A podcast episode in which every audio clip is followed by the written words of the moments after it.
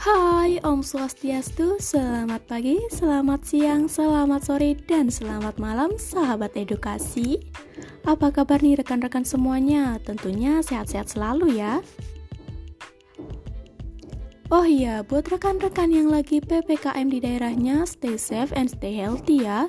Gak bosan-bosan nih saya ingetin buat selalu patuhi protokol kesehatan kalau keluar rumah Hai, bertemu lagi dengan saya Niko Mangdesiantari. Senang sekali rasanya bisa menemani kalian semua dalam acara podcast komunikasi selama kurang lebih satu jam ke depan. Pada kesempatan ini, saya akan menyampaikan informasi aktual seputar jurusan ilmu komunikasi, tentunya dengan selingan lagu-lagu pop favorit kalian. Sahabat pendengar dapat mengomentari informasi yang saya sampaikan nanti melalui SMS atau telepon di nomor 085 737 009 281. Sebelum ke topik pembahasan kita kali ini, biar tambah semangat, kita dengerin lagu hits dulu yuk. Yuk, tunggu apa lagi? Check it out.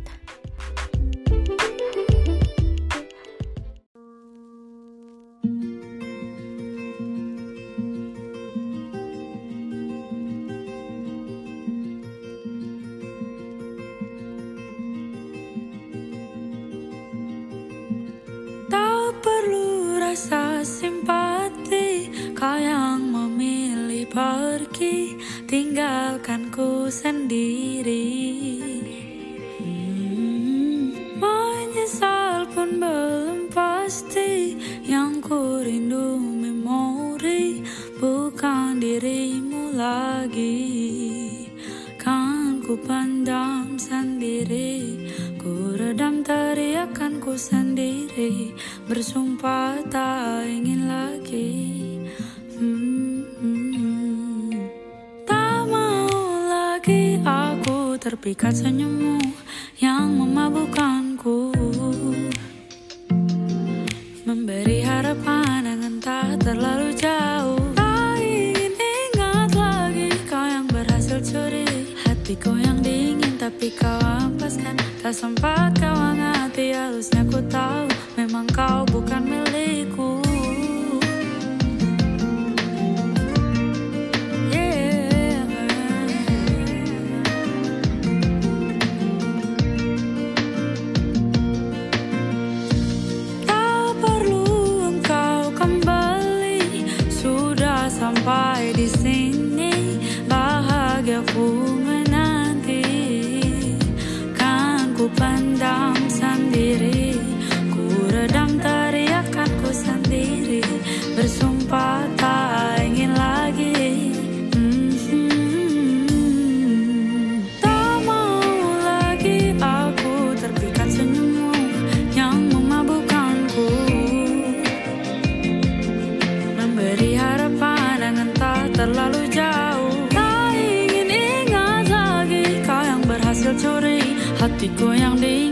dingin tapi kau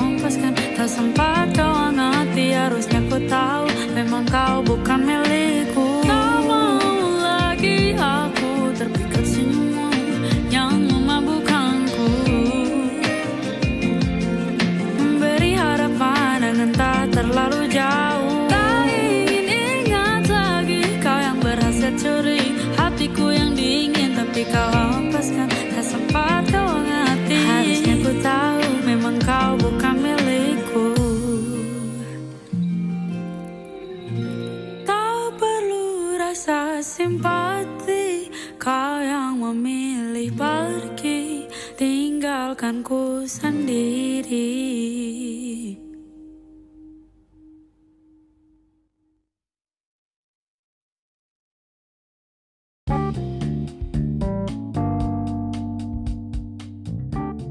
Wow, keren banget ya lagunya. Ada yang tahu nggak judulnya apa? Jadi lagu tadi itu judulnya Terpikat Senyummu. Ayo sahabat terpikat senyum siapa nih? Jangan terpikat senyum mantan ya. Oke, ke- gimana nih sahabat? Udah semangat buat dengar podcast belum? Kalau udah, langsung aja kali ini ke topik pembahasan kita yaitu seputar program studi ilmu komunikasi. Siapa nih dari rekan-rekan yang lagi ambil jurusan ilmu komunikasi? Absen dulu yuk dari kampus mana aja sih?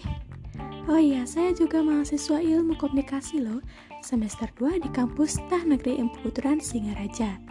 Nah, sering banget nih saya dengar-dengar anak komunikasi harus pintar ngomong. Anak komunikasi nggak boleh introvert dan masih banyak lagi stigma-stigma lainnya. So, untuk membuktikan itu semua, dengerin podcast ini yuk. Nah, sebelum ke materi di sini saya mau nanya nih, siapa sih dari rekan-rekan yang pengen jadi penyiar atau mungkin pengen jadi jurnalis di depan kamera seperti Mbak Najwa?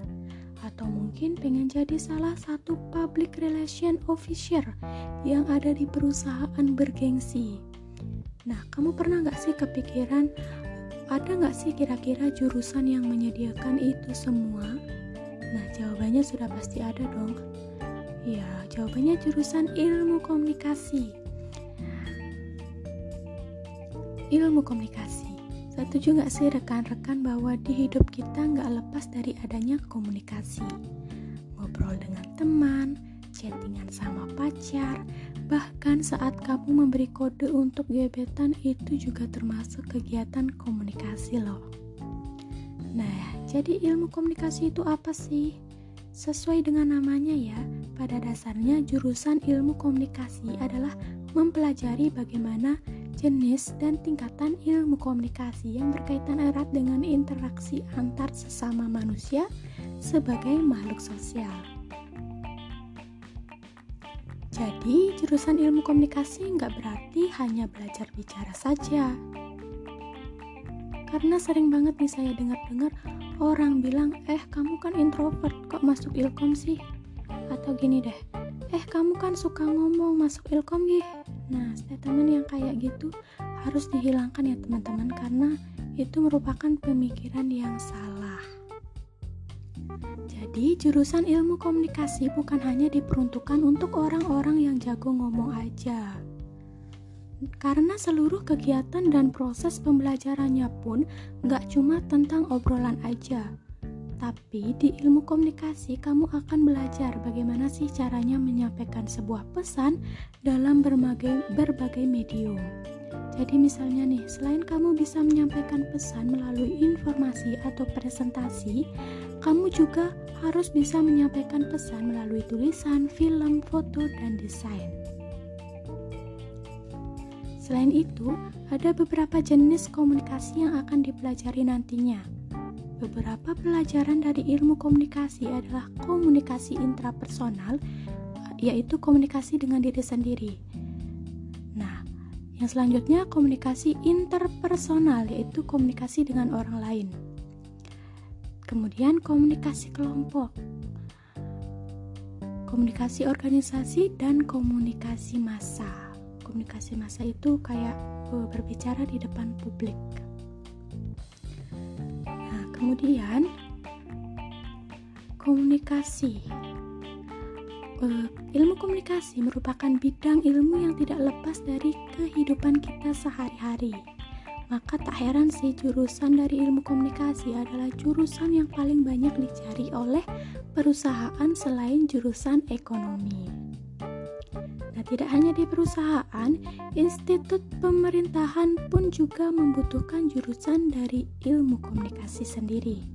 Karena dalam pemasaran dan juga hubungan masyarakat atau humas, misalnya membutuhkan orang-orang yang e, mempunyai kemampuan komunikasi yang baik.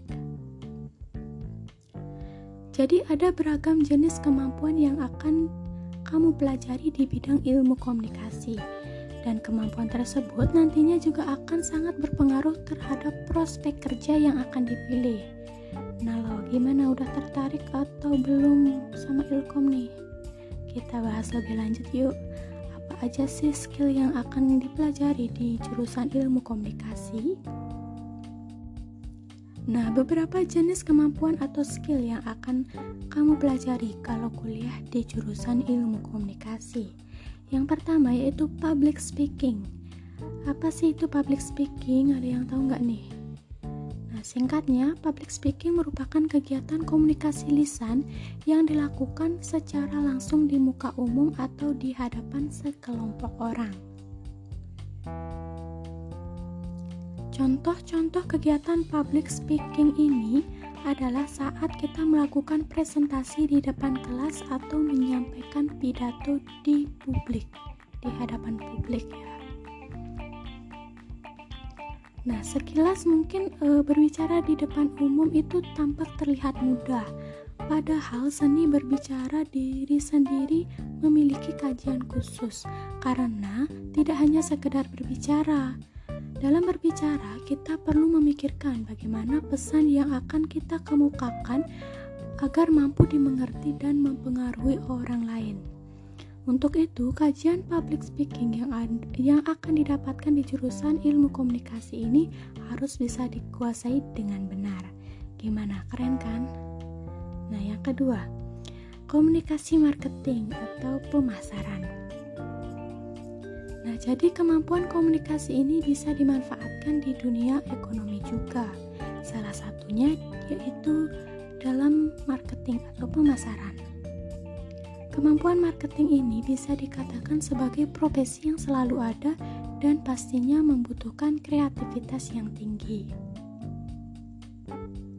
Kegiatan marketing ini berkaitan dengan komunikasi adalah berkaitan dengan cara Anda memasarkan dan membuat branding dari suatu produk agar dikenal dan laku di pasaran. Marketing communication atau komunikasi marketing merupakan segala pesan dan media yang disampaikan oleh perusahaan dalam upaya berkomunikasi dengan pasar. Nah, bentuknya bisa bermacam-macam, mulai, mulai dari iklan, pemasaran langsung, branding, pengemasan, kegiatan-kegiatan public relation, presentasi sales, sponsor, aktivitas online, dan masih banyak lagi yang lainnya. Marketing communication atau komunikasi pemasaran berperan sebagai mengubah persepsi masyarakat tentang suatu produk atau pasar. Nah, hal tersebut dilakukan karena terkadang kesalahpahaman yang terjadi di masyarakat terkait sebuah produk yang dipasarkan. Yang ketiga yaitu menulis berita. Selain pandai dalam berbicara, ilmu komunikasi juga terkenal dengan lulusan yang mempunyai skill dalam menulis. Sehingga tak heran jika dunia industri media menjadi tujuan bagi banyak lulusan ilmu komunikasi. Berita sudah menjadi konsumsi wajib bagi semua orang, sebab melalui berita kita mendapatkan banyak informasi, baik itu mengenai peristiwa terbaru serta perkembangannya. Nah, berita ini bisa didapatkan melalui media cetak, elektronik, internet, maupun sekedar dari mulut ke mulut. Ragam jenis berita yang yang bisa dibaca juga beragam, yakni mulai ragam berita olahraga, ekonomi, politik, pemerintahan, pendidikan, dan masih banyak lagi. Di dalam jurusan ilmu komunikasi, kamu akan mempelajari teknik-teknik dasar jurnalistik yang nantinya dapat mengasah kemampuan menulis kamu. Nah, yang terakhir yaitu videografi dan fotografi. Siapa nih dari rekan-rekan yang punya cita-cita pengen jadi fotografer?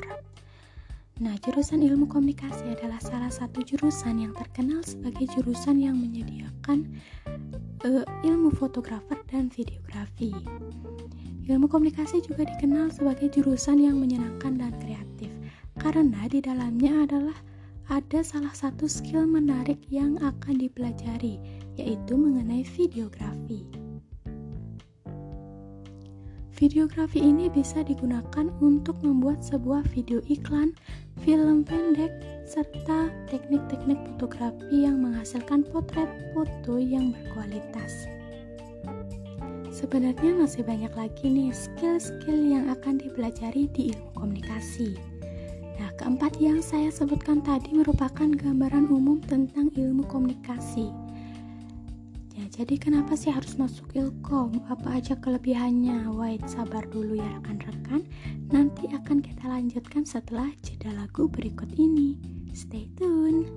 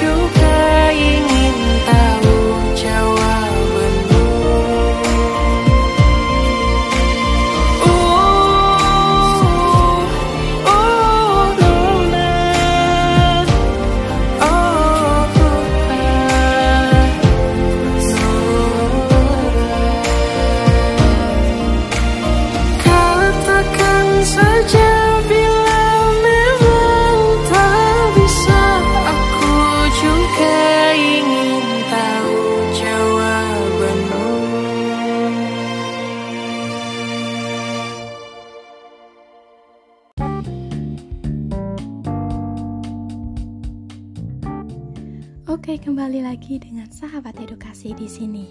Gimana teman-teman lagu tadi? Udah enjoy lagi nggak nih? Atau masih bosan?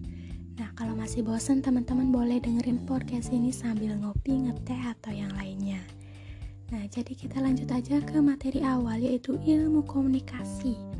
tadi sudah saya jelaskan kan apa itu ilmu komunikasi. Nah, sekarang saya mau jelasin tentang kelebihan dari jurus, jurusan ilmu komunikasi. Check it out. Yang pertama yaitu ilmu komunikasi tidak membosankan. Nah, banyak calon mahasiswa yang mengincar jurusan ini karena seru ya tidak dapat dipungkiri kuliah di jurusan ilmu komunikasi tidak membosankan bahkan eh, selebriti uh, Indonesia banyak yang berlatar belakang sebagai mahasiswa ilmu komunikasi Selain itu, jurusan ini terbilang seru karena materi pembahasannya selalu up to date dengan isu-isu yang terjadi saat ini. Yang kedua, yaitu memiliki kemampuan mendengar, menulis, dan berbicara. Nah, semua manusia normal di dunia ini umumnya diciptakan dengan memiliki dua telinga, dua tangan, dan satu mulut. Kalau kamu cukup peka, sebenarnya ada nilai positif yang bisa kamu ambil dari sini. Salah satunya yaitu anjuran untuk lebih banyak mendengar, berkarya, dan menyampaikan gagasan dengan baik. Nah, semua ini hanya bisa kamu lakukan jika kamu memiliki kemampuan mendengar, menulis, dan berbicara yang sama baiknya. Di jurusan ilmu komunikasi ini, kamu akan mempelajari banyak hal tentang cara menjadi pendengar yang baik, membuat karya yang positif, dan menyampaikan gagasan dengan baik. Ibaratnya, ilmu komunikasi ini merupakan paket yang komplit banget nih. Yang ketiga, ilmu komunikasi banyak dibutuhkan di perusahaan. Banyak perusahaan di Indonesia yang membutuhkan lulusan ilmu komunikasi untuk diajak bergabung ke dalam tim kerjanya. Nah, biasanya jurusan eh, lulusan ilmu komunikasi yang bekerja di suatu perusahaan akan ditempatkan di posisi public relation atau marketing. Kedua posisi ini adalah posisi yang sangat vital dan merupakan ujung tombak perusahaan dalam hal berkomunikasi dengan pihak luar. Hanya orang-orang yang dengan skill komunikasinya yang cocok ditempatkan di posisi ini. Yang keempat yaitu memiliki prospek karir yang menjanjikan. Nah, bisa jadi kamu tidak tertarik bekerja di bidang public relation atau marketing untuk suatu perusahaan dan ingin berkarir di bidang lainnya. No problem. Karena kamu bisa berkarir di tempat lain seperti di media, baik itu radio, televisi, surat kabar, hingga media online yang sedang booming saat ini, seperti media sosial ya. Nah, selain di media, ada juga beberapa posisi menarik yang cocok untuk lulusan ilmu komunikasi. Contohnya, posisi sebagai account executive, jurnalis, produser, content creator, dan masih banyak lagi. Gimana? Cukup bervariasi bukan? Penjelasan selanjutnya tentang prospek karir ilmu komunikasi akan dijelaskan nanti di uh, segmen lebih lanjutnya. Yang kelima, Ilmu komunikasi kemungkinan besar tetap dibutuhkan di masa depan. Poin ini sebenarnya sudah cukup jelas. Nah, singkatnya begini, manusia adalah makhluk sosial karena setiap manusia merupakan individu yang saling membutuhkan satu sama lain. Nah, ketika seseorang sedang membutuhkan sesuatu, jelas-jelas dia harus uh, berkomunikasi dengan individu atau kelompok lainnya untuk menyampaikan apa yang dia butuhkan. Intinya, di mana pun seseorang berada, dia akan tetap perlu berkomunikasi dengan orang lain, baik itu berbicara, melalui kode, atau bentuk komunikasi yang lainnya. Nah, hal ini yang membuat ilmu komunikasi merupakan disiplin ilmu, ilmu yang kemungkinan besar selalu dibutuhkan di masa yang akan datang. Selain itu, ilmu komunikasi akan selalu berkembang sesuai perkembangan zaman. Jadi nanti kalian e, sebagai ilmu komunik sebagai mahasiswa ilmu komunikasi akan selalu update dengan berita-berita terkini. Yang keenam, belajar semua hal tentang komunikasi. Sampai di sini kamu pasti sudah mengetahui pentingnya komunikasi dalam kehidupan sehari-hari, baik itu antar individu maupun kelompok. Nah, orang-orang yang memiliki kemampuan komunikasi biasanya cenderung lebih baik ketimbang yang lainnya karena mereka sudah terbiasa terlatih untuk berkomunikasi di depan umum. Nah, kalau kamu memilih jurusan ilmu komunikasi ketika kuliah nanti, kamu akan berlatih banyak hal tentang cara berkomunikasi di berbagai level. Mulai dari level, level personal atau antar, antar individu, kelompok kecil, organisasi, hingga komunikasi ke tingkat yang lebih luas yaitu publik. Nah, itu dia tadi yang merupakan keunggulan dari jurusan ilmu komunikasi. Lulusan ilmu komunikasi bisa dikatakan sebagai lulusan yang memiliki paket komplit dalam hal berinteraksi dengan berbagai subjek dan objek. Di ilmu komunikasi, kamu juga akan dilatih untuk berinteraksi dengan siapa saja, di mana saja, dan menggunakan media apa saja, termasuk di media online yang sedang booming saat ini. Lulusan ilmu komunikasi umumnya akan memiliki skill public, public speaking, creative writing, desain dan fotografi, teamwork, kemampuan berpikir out of the box, dan mampu bekerja dengan tim. Sekarang bagaimana nih? Apakah kamu sudah mantap memilih jurusan ilmu komunikasi atau masih bimbang? Nah, kalau masih bimbang dengerin lagu ini dulu yuk biar lebih rileks. Check it out. too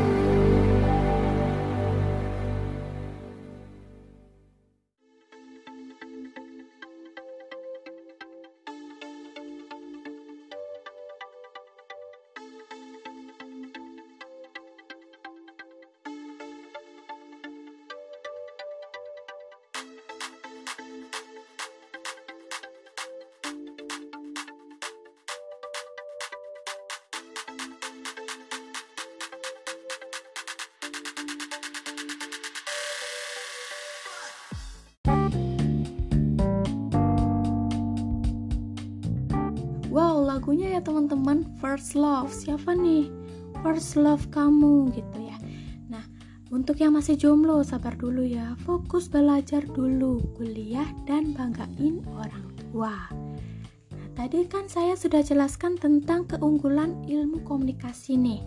Nah ternyata di balik keunggulan itu ada juga suka dukanya karena berkembangnya mitos-mitos di kalangan anak ilmu komunikasi gitu ya. Nah, ini merupakan mitos yang akan saya bacakan nanti satu per satu. Yang pertama yaitu anak komunikasi tergolong orang yang ekstrovert gitu ya. Ada anggapan bahwa e, semua anak ilmu komunikasi termasuk orang yang ekstrovert. Mereka dipandang sebagai pribadi yang mudah bergaul dan punya rasa percaya diri. Nah, penilaian semacam itu belum sepenuhnya benar. Memang benar, tapi sebagian e, dari mahasiswa ilmu komunikasi adalah mahasiswa yang introvert. Meski begitu, baik introvert maupun ekstrovert dapat bergaul dengan baik dan saling membantu. Nah, jadi introvert atau ekstrovert bukan halangan buat kamu masuk ilkom. Kunci pertama yaitu niat. Meskipun kamu ekstrovert atau introvert, tapi kalau kamu gak ada niat, apa pun yang dikerjakan akan terasa berat. Nah, mitos selanjutnya yaitu anak komunikasi cuma modal ngomong doang gitu ya. Nah, banyak sekali rumor yang beredar bahwa anak ilmu komunikasi cuma uh, pandai ngomong aja gitu ya. Stigma seperti itu harus lebih dipikirkan lagi. Memang anak ilmu komunikasi rata-rata pintar dalam berbicara di depan umum. Tapi siapa bilang sih ngomong itu gampang gitu loh ya. Nah ngomongin orang memang gampang gitu, begibah gitu ya. Tapi kalau ngomong di depan umum, siapa yang berani? Anak ilkom yang jago. Nah tapi anak ilkom ngomong di depan umum tidak sekedar keluar-keluar gitu ya, harus secara jelas dan fakta gitu. Di sisi lain, terampil dalam mencari informasi yang kredibel serta pengemasan pesan agar dapat tersampaikan kepada orang lain juga jadi aspek yang perlu dikembangkan. Yang ketiga yaitu lulusan ilmu komunikasi pasti lulusnya jadi penyiar nih gitu. Siapa bilang sih gitu? Orang-orang orang-orang awam yang bilang kalau anak komunikasi lulus pasti lulusnya nanti pasti langsung jadi penyiar. Pendapat yang sering lewat macam ini tidaklah salah, tetapi nggak 100% juga benarnya gitu. Beberapa penyiar memang punya latar belakang sebagai lulusan ilmu komunikasi, tetapi yang menjadi yang bukan lulusan ilmu komunikasi juga banyak yang terjun di dunia penyiaran. Seperti yang saya bilang tadi bahwa ilmu komunikasi merupakan paket komplit gitu ya. Alumni ilmu komunikasi sendiri mempunyai pekerjaan yang variatif. Jadi bisa masuk ke sana bisa masuk ke sini sesuai minat dan bakat. Ada yang bekerja di videographer praktisi media bahkan se menjadi seorang entrepreneur atau pengusaha. Yang keempat merupakan mahasiswa yang golongannya populer anak komunikasi selalu identik dengan pribadi yang aktif gitu ya bergerak luas. Berbagai macam acara diikuti oleh mereka, bahkan tak sedikitnya dari mereka terjun sebagai panitia. Ada juga yang dikenal karena sering tampil di depan umum menjadi MC atau mungkin uh, public speakingnya bagus, prestasinya bagus gitu. Realitanya memang demikian, tapi nggak semua il anak ilmu komunikasi populer di kampus. Ada juga anak komunikasi yang nggak populer di kampus tapi sukses di luar kampus. Yang kelima, jurusan ilmu komunikasi gampang. Ah, gampang lah jurusan ilmu komunikasi. Tiap hari kita berkomunikasi gitu ya. Memang benar, pernyataan tersebut memang benar. Setiap hari kita akan berkomunikasi. Tapi apa salahnya sih menekuni ilmu komunikasi lebih dalam jika itu adalah tugas sehari-hari gitu? Alasannya simpel aja sih karena yang kita lakukan setiap hari adalah bentuk komunikasi yang paling dasar yang dipelajari oleh seluruh manusia untuk berbicara dan membuat koneksi tapi kita kadang lupa bahwa ada kalanya kita gagal dalam berkomunikasi secara efektif. Sampai-sampai kegagalan komunikasi sering kali terjadi di sekitar kita. Nah, dari itu aja kelihatan kan betapa susahnya manusia dalam berkomunikasi walau dilakukan setiap hari. Nah, itu dia tadi merupakan mitos-mitos yang beredar tentang ilmu komunikasi. Ingat ya teman-teman, cuma mitos. Nah, memang saat menjadi mahasiswa tentu memberikan suka duka tersendiri. Nah, kalau tadi mitosnya, sekarang saya mau jelasin tentang faktanya. Yang pertama, sebagian besar mahasiswa ingin bekerja di bidang media kreatif. Kebanyakan para calon mahasiswa yang mendaftar jurusan ilmu komunikasi sangat ingin bekerja di media, baik cetak, elektronik, maupun online. Mereka menganggap pekerjaan-pekerjaan tersebut e, seru dan menyenangkan. Selain itu, e, beberapa di antaranya juga ingin mendalami industri kreatif seperti periklanan. Kedua, yaitu ilmu komunikasi banyak hafalannya. Ketika awal masuk kuliah, biasanya para mahasiswa tidak sabar ingin belajar cara menulis naskah, berita, mengambil mengambil gambar, praktek, siaran, dan sebagainya. Namun kenyataannya mereka akan dihadapkan berbagai mata kuliah dasar yang justru banyak teori dan hafalannya. Yang ketiga, banyak tugas proyek yang ini relate banget ya teman-teman karena sesuai dengan pengalamanku. Nah, semakin memasuki tingkat semester yang semakin tua, mahasiswa komunikasi mulai mendapatkan mata kuliah yang banyak mengandung praktik, seperti menulis berita, wawancara, membuat film, produksi siaran, iklan, podcast seperti yang saya lakukan sekarang, talk show, dan masih banyak lagi. Bahkan tugas-tugas proyek tersebut sering berada di semester yang sama sehingga memaksa mahasiswa untuk sering bergadang. Yang keempat, di mahasiswa ilmu komunikasi dituntut berpikir lebih kreatif daripada mahasiswa lainnya. Nah, tugas-tugas seperti membuat berita, film, dan iklan menuntut uh, setiap mahasiswa komunikasi untuk berpikir kreatif dalam membuat proyek. Gak heran sih saat ada acara-acara tertentu di luar jurusan, biasanya anak komunikasi e, disuruh untuk merancang acara, mulai dari membuat desain, rundown acara, dan mengerjakan hal-hal yang berbau kreativitas. Nah, yang kelima nih teman-teman, sekaligus menjadi fakta yang terakhir, yaitu dosen ilmu komunikasi bisa menjadi teman. Nah, meskipun ada dosen yang killer, tapi beberapa dosen di jurusan ilmu komunikasi justru bisa berperan sebagai teman bagi mahasiswa. Karena rata-rata dosen e, di jurusan ilmu komunikasi asik dan menyenangkan dalam e, mengajar mahasiswanya, sehingga mahasiswanya tidak merasa bosan seperti itu. Nah itu dia tadi rekan-rekan. Gimana nih? Masih pada semangat buat dengerin next materi Atau masih lemes? Oke sebelum kita lanjut kita jeda dulu pakai lagu-lagu. Check it out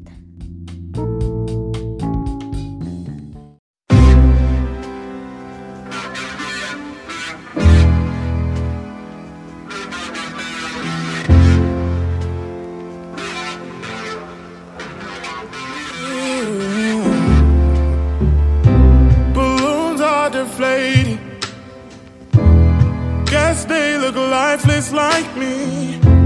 We miss you on your side of the bed. Mm-hmm. Still got your things here. They stare at me like souvenir. Don't wanna let you out my head. Just like the day that I met you, the day I thought forever said that you love me. But that'll last forever. It's cold outside. Like when you walked out my life. Why you walk out my life?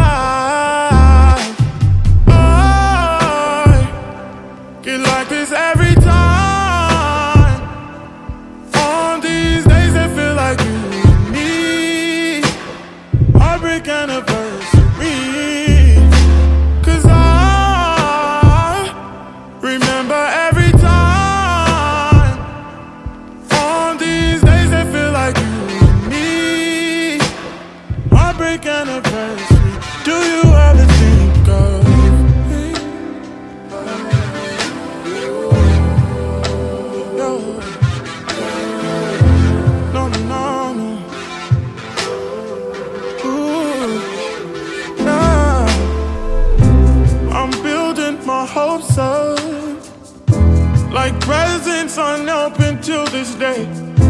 I still see the messages you read. Mm. I'm foolishly patient. Can't get past the taste of your lips. Don't wanna let you out my head. Just like the day that I met you, the day I thought forever. Said that you love me, last forever. It's cold outside, like when you walked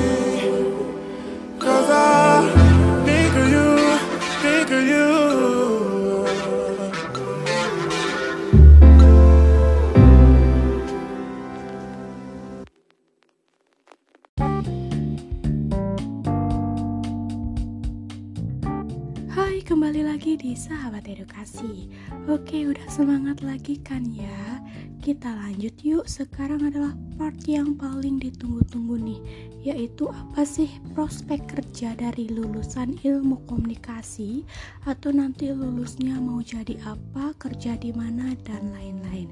Untuk itu silakan disimak podcastnya. Stay tune.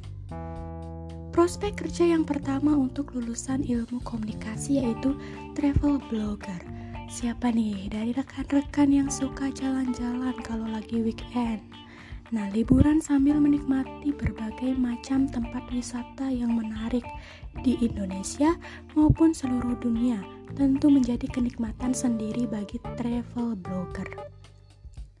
Lulusan ilmu komunikasi tentunya akan berpeluang besar menjadi seorang travel blogger. Karena mengingat kemampuan menulis dan mencari informasi yang dimiliki oleh lulusan anak ilmu komunikasi.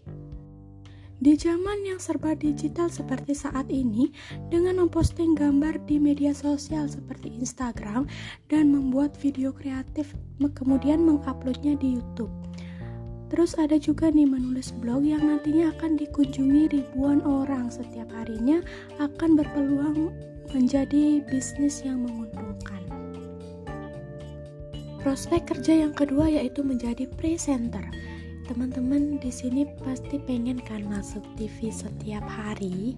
Nah, presenter merupakan suatu pekerjaan yang menyenangkan karena membawakan acara, event maupun sebagai pembicara suatu kegiatan. Nah, apalagi presenter televisi ya kan, terkenal dalam menyampaikan berita. Hal itu menjadi prospek kerja bagi lulusan ilmu komunikasi yang didambakan setiap mahasiswa. Menjadi presenter haruslah percaya diri dan jangan lupa public speakingnya berperan penting dalam pekerjaan ini. Nah, banyak sekali presenter televisi yang terkenal seperti Mbak Najwa Shihab, Feni Rose, dan masih banyak lagi. Kalian tertarik untuk menjadi presenter gak nih? Yang ketiga yaitu menjadi wartawan. Wartawan merupakan seseorang yang bertugas menulis, melaporkan berita dari suatu kejadian tertentu. Nah, menjadi seorang wartawan bukan pekerjaan yang mudah loh, karena dibutuhkan keberanian dan komitmen dalam menyajikan berita yang layak bagi publik. Nah, selain itu juga menjadi wartawan mempunyai jam kerja yang tidak tetap dan bahkan jarang menemukan akhir pekan serta liburan. Karena hari-hari mereka dihabiskan dengan mencari berita keluar kota, keluar daerah, dan sebagainya. Selanjutnya yaitu menjadi fotografer. Tidak hanya sekedar memotret gambar tinggal jepret saja. Nah, di mana hal tersebut identik dengan fotografer. Akan tetapi, seorang fotografer harus mampu merancang ide-ide yang kreatif, merencanakan dan mempersiapkan proses foto. Selain itu juga ketika sudah selesai juga harus mampu melakukan editing foto, mengatur layout dan melakukan percetakan. Prospek kerja selanjutnya yaitu menjadi editor. Editor atau sering disebut sebagai penyunting menjadi pekerjaan yang diminati oleh para lulusan ilmu komunikasi. Nah, editor identik dengan editor naskah yang bertugas mencari, memperbaiki, dan mempublikasikan naskah. Akan tetapi, editor di sini bermakna luas sekali seperti editor film atau video, editor foto, desain, dan masih banyak lagi. Gimana nih? Kamu tertarik jadi editor apa? Nah, prospek kerja selanjutnya yaitu public relation. Public relation atau sering disebut sebagai humas atau hubungan masyarakat berfungsi sebagai penghubung antara masyarakat luas dengan instansi tertentu. Nah, di mana tugas dari public relation ini adalah membawa perusahaan atau brand tertentu sehingga dapat dikenal secara publik sekarang ini banyak sekali nih media yang dapat digunakan oleh seorang public relation seperti pernyataan pers, melalui media sosial, ma uh, maupun melalui internet. Nah, selain itu public relation juga berperan penting dalam penyelenggaraan suatu event yang membutuhkan kerjasama dari pihak sponsor atau penyedia iklan. Prospek kerja yang ketujuh yaitu periklanan atau advertising. Nah, saat ini semua produk barang dan jasa agar dapat dikenal oleh masyarakat bisa dipromosikan melalui iklan. Oleh karena itu, prospek kerja lulusan ilmu komunikasi dapat berpeluang lebih besar dalam menjadi promotor atau periklanan. Nah, tugas periklanan adalah memperlancar promosi dengan membentuk citra dari brand suatu produk barang atau jasa sehingga menjadi baik dan dikenal oleh masyarakat luas. Yang kedelapan yaitu youtuber. Siapa yang pengen jadi kayak Bang Atta Halilintar nih ya karena sekarang ini perkembangan dunia internet sangat cepat sekali termasuk media online kreatif seperti YouTube semakin menjamurnya konten kreator dan banyak orang yang ingin sekali menjadi youtuber karena bisa mendapatkan banyak uang dari Google maupun penyedia iklan lainnya. Nah, prospek kerja lulusan ilmu komunikasi juga dapat menjadi seorang youtuber karena kemampuan bicara dan membuat konten video yang kreatif. Prospek kerja yang kesembilan yaitu redaktur. Redaktur merupakan jenis jabatan keredaksian yang berada di dunia kewartawanan atau jurnalisme. Nah, secara umum tugas dari seorang redaktur adalah melakukan penyuntingan dalam suatu naskah berita. Akan tetapi, dalam perkembangan selain mengedit suatu naskah atau berita atau informasi, redaktur juga memberikan pengarahan kepada reporter ketika melakukan peliputan ke suatu tempat. Nah, selain itu, redaktur biasanya berasal dari kalangan reporter lapangan yang karirnya naik menjadi seorang redaktur. Yang ke-10 yaitu kameramen. Kameramen atau biasa disebut dengan juru kamera menjadi prospek peluang besar dari jurusan ilmu komunikasi. Juru kamera bertugas dalam mengoperasikan kamera dan bertanggung jawab dalam semua aspek teknis dari proses perekaman video hingga menjadi eh, produk yang berkualitas. Seorang kameramen diharapkan mampu mengetahui teknik yang baik dalam pengambilan gambar maupun video. Yang ke-11 yaitu penyiar radio. Sekarang ini radio tetap menjadi salah satu alat komunikasi yang masih eksis dan populer di masyarakat. Walaupun semakin munculnya banyak teknologi lain, radio tetap menjadi saluran utama dalam mencari informasi bagi masyarakat. Nah, penyiar radio menjadi peluang besar bagi lulusan ilmu komunikasi yang terampil dan cakap dalam berkomunikasi. Penyiar radio juga bertugas dalam menyampaikan informasi kepada pendengar radio, yaitu masyarakat publik. Yang kedua belas yaitu MC atau Master of Ceremonies atau di Indonesia sering dikenal sebagai pembawa acara adalah seseorang yang bertanggung jawab dalam memandu suatu acara atau kegiatan. Selain menjadi pekerjaan resmi, pekerjaan ini juga bisa dilakukan untuk sambilan dalam mengisi waktu luang. Yang ketiga belas yaitu reporter. Karena ilmu jurnalistik yang didapatkan e, pada saat kuliah, reporter menjadi salah satu prospek kerja anak ilmu komunikasi. Reporter bertugas dalam melaporkan berita di lapangan baik kepada masyarakat dalam bentuk tulisan ataupun media lainnya.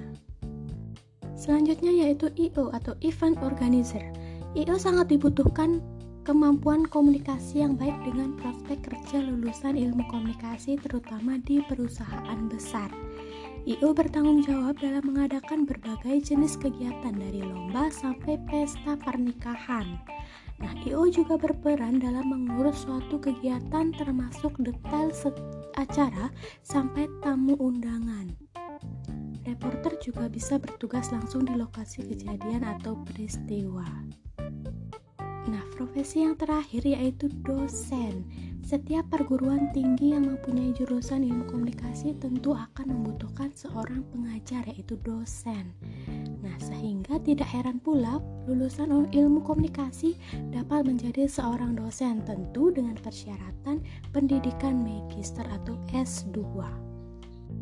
Nah, itu dia tadi 15 prospek kerja dari jurusan ilmu komunikasi. Sebenarnya masih banyak lagi yang lainnya. Nah, prospek kerja yang tadi merupakan analisa secara dasar ya. Nah, dapat tidaknya kamu kerjaan tergantung usaha dan niat kamu bagaimana. Kalau niat kamu serius, maka pekerjaan yang kau akan kamu dapatkan juga akan maksimal dan membuahkan hasil. Begitu ya, teman-teman.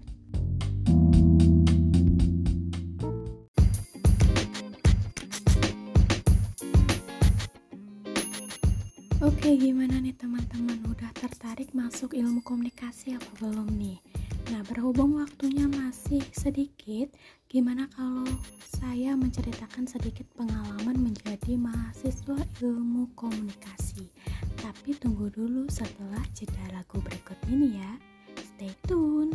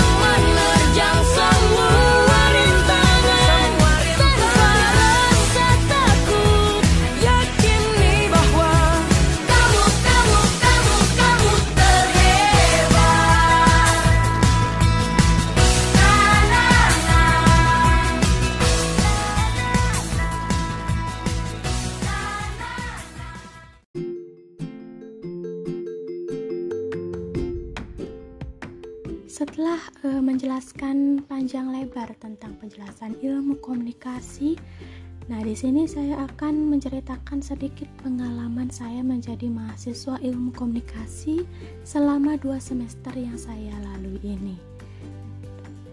Mungkin ini bisa jadi sedikit gambaran untuk kalian yang pengen masuk ilmu komunikasi. Jadi seperti yang sudah saya bilang tadi, saya merupakan mahasiswa ilmu komunikasi semester 2 di Stah Negeri Empu Kuturan Singaraja. Tahun 2020 saya menjadi maba dan saya merupakan lulusan Corona. Nah, saya juga merupakan uh, lulusan dari SMK jurusan akuntansi dan kuliahnya malah masuk Ilkom ya. Tapi nggak apa-apa.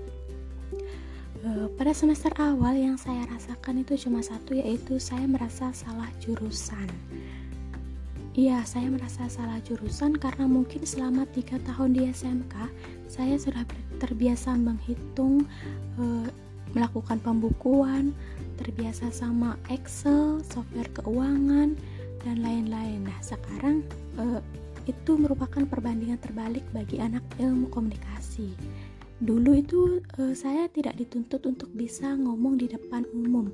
Bahkan kalau saya presentasi di depan kelas rasanya grogi banget ya. Terus saya juga merupakan orang yang tergolong introvert. Nah itu yang membuat saya minder dan merasa wah ini saya salah jurusan nih gitu ya.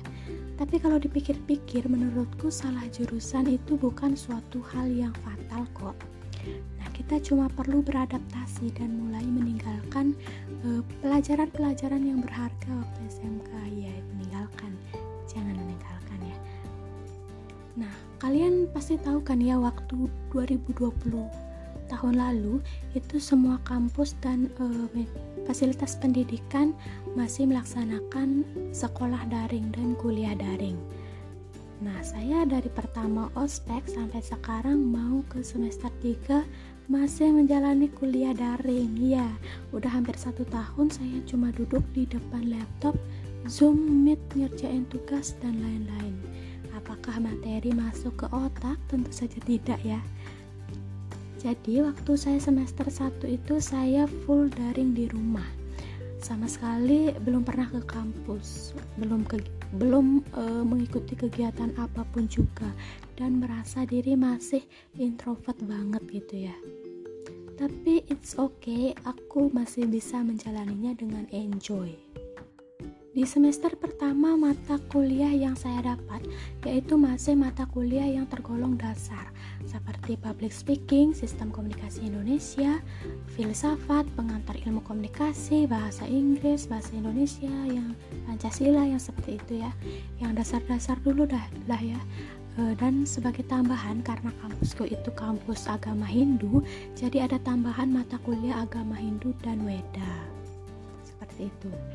Nah, di mata kuliah public speaking itu aku merasa sedikit tertekan karena seperti yang saya bilang tadi waktu dulu SMK saya takut buat ngomong. Nah, mulailah ada tugas project berdua. Tugasnya adalah berdiskusi, ada yang jadi moderator, ada yang jadi narasumber. Dilaksanakan secara daring melalui live IG kalau nggak salah. Terus itu tugasnya berkelompok dan astokara bisa saya lewati dengan lancar. Nah mulailah uh, terus mau ke akhir semester muncullah tugas yang agak lebih berat. Tugasnya yaitu disuruh buat konten YouTube. Iya 10 konten YouTube yang uploadnya setiap minggu temanya bebas yang penting jangan yang prank-prank kayak gitu ya yang penting mengandung edukasi Nah, tugasku di, uh, pada saat itu membahas tentang kebudayaan Bali. Waktu itu saya ingat masih pakai HP kamera, kamera HP maksudnya ya, karena nggak punya kamera DSLR atau yang lainnya. Dan ngedit pun juga pakai HP ya, kebayang nggak yang nge kayak gimana gitu. Tapi di situlah aku dapat ilmu dasar tentang edit mengedit ya sampai uh, akhirnya saya mendapatkan nilai A untuk mata kuliah public speaking ini. Wow, gimana nih? Uh, keren kan, ya? waktu semester 1 itu sebenarnya masih banyak banget video tugas video dari dari mata kuliah lain yaitu seperti video uh, short movie, video presentasi, dan masih banyak lagi. Tuk, itu semua tugasnya masih bisa saya handle dan masih masih bisa saya lewati dengan maksimal. Tibalah ke semester 2. Nah, mata kuliahnya mulai agak bikin pening kepala gitu ya. Nah, mata kuliahnya tuh ada sosiologi, antropologi, psikologi, perilaku konsumen, teknologi komunikasi, program produksi audiovisual, etika filsafat komunikasi, dan teori praktek siaran, serta tambahan mata kuliah agama tadi. Situasi pas awal semester 2 ini e, masih daring. Kebayang nggak ya materi semester 1 aja belum dikuasai dengan baik. Nah ini udah mau semester 2 aja. Gimana gitu ya kan? Kemudian di tengah semester muncullah tugas-tugas yang agak bikin pening kepala. Yang pertama itu ada perilaku konsumen. Tugasnya membuat riset tentang perilaku konsumen di pasaran. Tugas itu masih bisa saya lewati dengan baik dan berjalan lancar gitu. Kemudian tibalah di mata kuliah audio visual nih. Mulai ada tugas video lagi. Yang pertama itu kita disuruh cover lagu dengan catatan audionya harus jernih dan hasilnya akan diupload di YouTube di channel YouTube masing-masing mahasiswa. Terus tugas kedua yaitu e, membuat video sinematik wisata yang hasilnya juga akan diupload di YouTube. Dan sekarang tugas akhirnya yaitu membuat program acara TV secara berkelompok. E, kelompokku waktu itu buat acara talk show dengan tema self conscious yang detik menggunakan kamera kampus kemudian nanti kita edit itu tugasnya dan sekarang masih proses pengeditan. Oh ya waktu itu aku berperan sebagai moderator. Gimana keren kan? Ya, oke lanjut ke mata kuliah teori praktek siaran. Ini yang ini merupakan tugas yang aku kerjain sekarang nih. Iya, waktu, jadi waktu aku TS kemarin e, disuruh membuat podcast e, dengan tema isu-isu terkini di Indonesia.